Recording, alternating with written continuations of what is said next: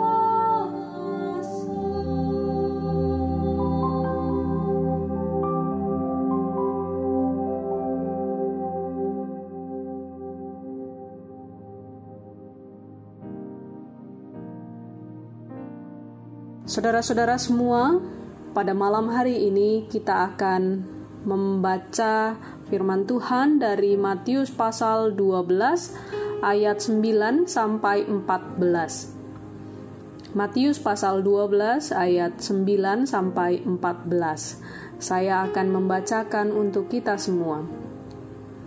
Setelah pergi dari sana, Yesus masuk ke rumah ibadat mereka di situ ada seorang yang mati sebelah tangannya. Mereka bertanya kepadanya, "Bolehkah menyembuhkan orang pada hari Sabat?" Maksud mereka ialah supaya dapat mempersalahkan dia. Tetapi Yesus berkata kepada mereka, "Jika seorang dari antara kamu mempunyai seekor domba dan domba itu terjatuh ke dalam lubang pada hari Sabat, Tidakkah ia akan menangkapnya dan mengeluarkannya?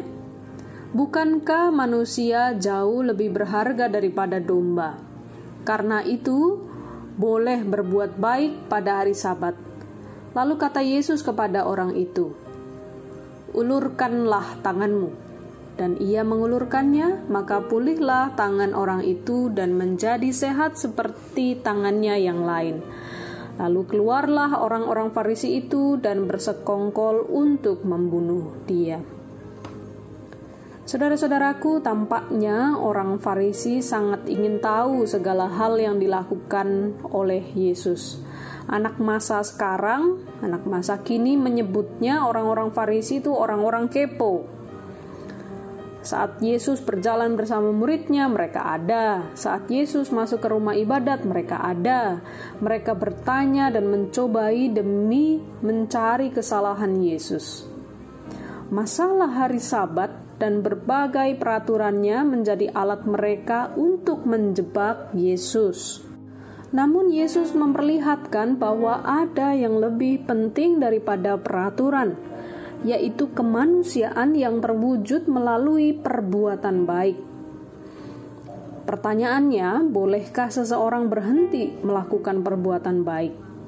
Yesus menegaskan bahwa tidak ada batasan untuk melakukan kebaikan, walau peraturan agama Israel saat itu tampaknya membatasi. Contohnya, ketika seseorang sedang sakit, mengapa harus menunggu keesokan hari untuk menyembuhkannya?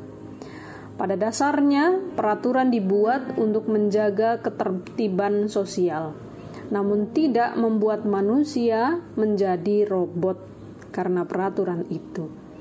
Demikian halnya dengan hari Sabat. Sabat dibuat agar manusia dapat beristirahat dari hari dari kerja kerasnya, supaya para budak serta binatang dapat beristirahat dari pekerjaannya dan untuk mencegah terjadinya gila kerja, workaholic, dan eksploitasi tanpa batas. Namun, bukan berarti Sabat juga bermakna berhenti dari melakukan kebaikan, sebab berbuat baik tidak kenal istirahat. Lalu, bagaimana jika kondisinya kita sekarang sedang lemah, sehingga tidak bisa berbuat baik? Sungguhkah ada kondisi yang membuat seseorang tidak mampu melakukan kebaikan?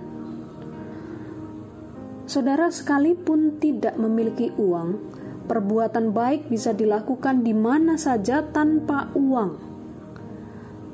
Sekalipun tubuh terbaring tidak berdaya dan tak dapat menggerakkan satu bagian tubuh pun, seseorang dapat berdoa serta senyum bagi orang lain dan menaikkan pujian bagi Allah.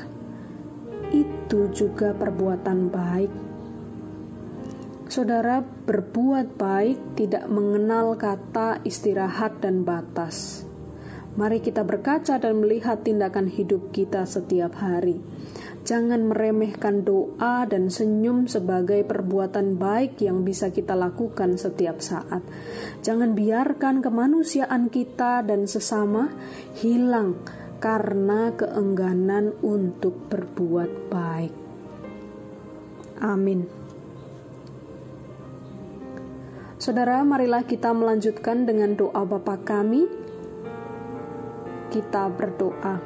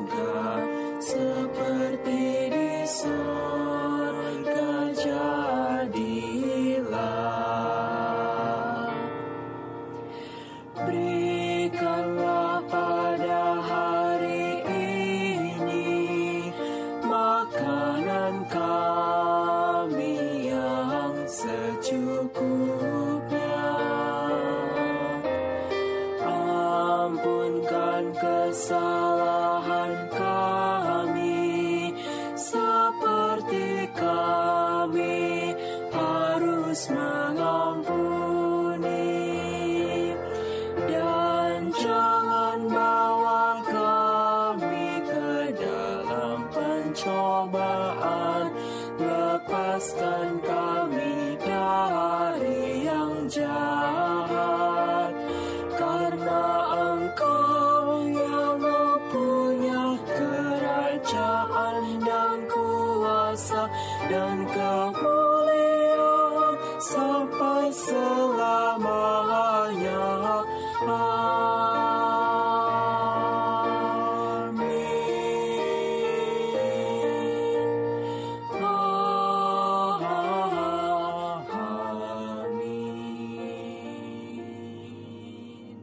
Mari kita berdoa syafaat.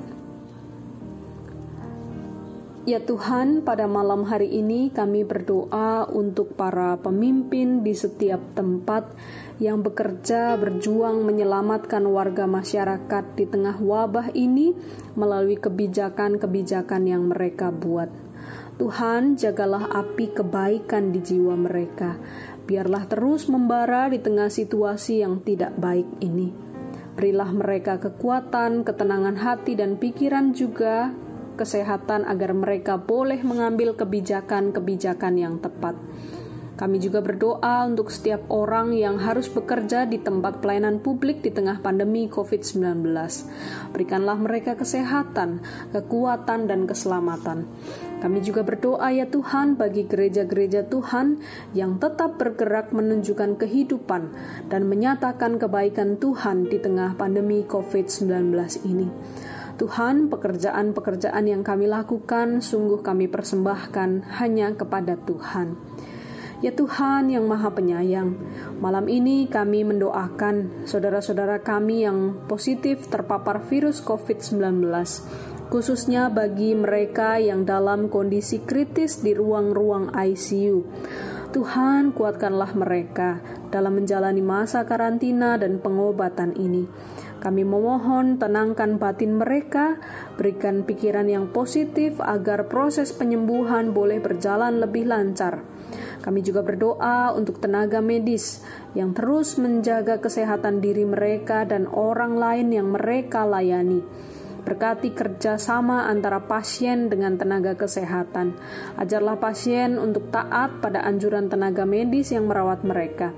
Demikian juga ajarkan para tenaga medis untuk selalu sabar ketika menghadapi pasien-pasien mereka. Tuhan, kami menyadari momentum ini menjadi kesempatan bagi kami untuk saling mendukung satu dengan yang lain. Ya Tuhan, apabila malam ini kami akan segera beristirahat, kami juga mohon perlindungan dari Tuhan. Jauhkan daripada kami kuasa jahat yang hendak mengganggu malam kami. Berikan kepada kami waktu yang cukup untuk merebahkan diri di tempat peristirahatan. Izinkan kami esok bangun dengan kondisi yang sehat, tenang, dan sukacita, siap melakukan kebaikan dalam karya. Inilah doa kami ya Tuhan, dalam pengasihan-Mu kami memohon.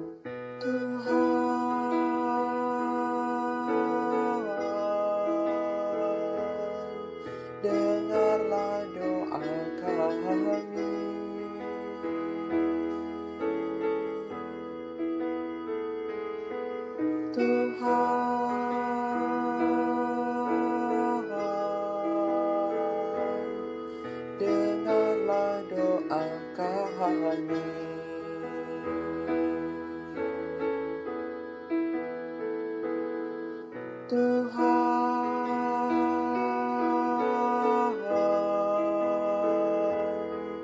Dengarlah doa kami.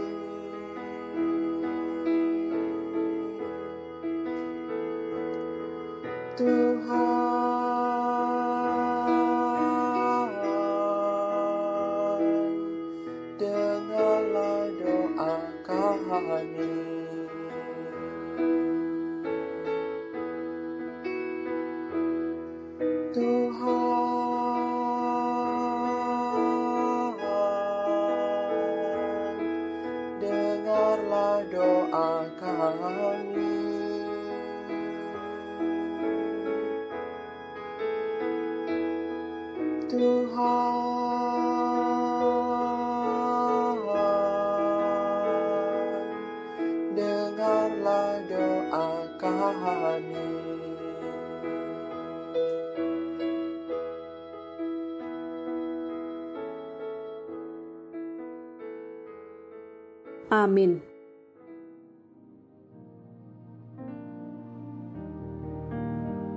Saudara, inilah doa bersama kita pada malam hari ini.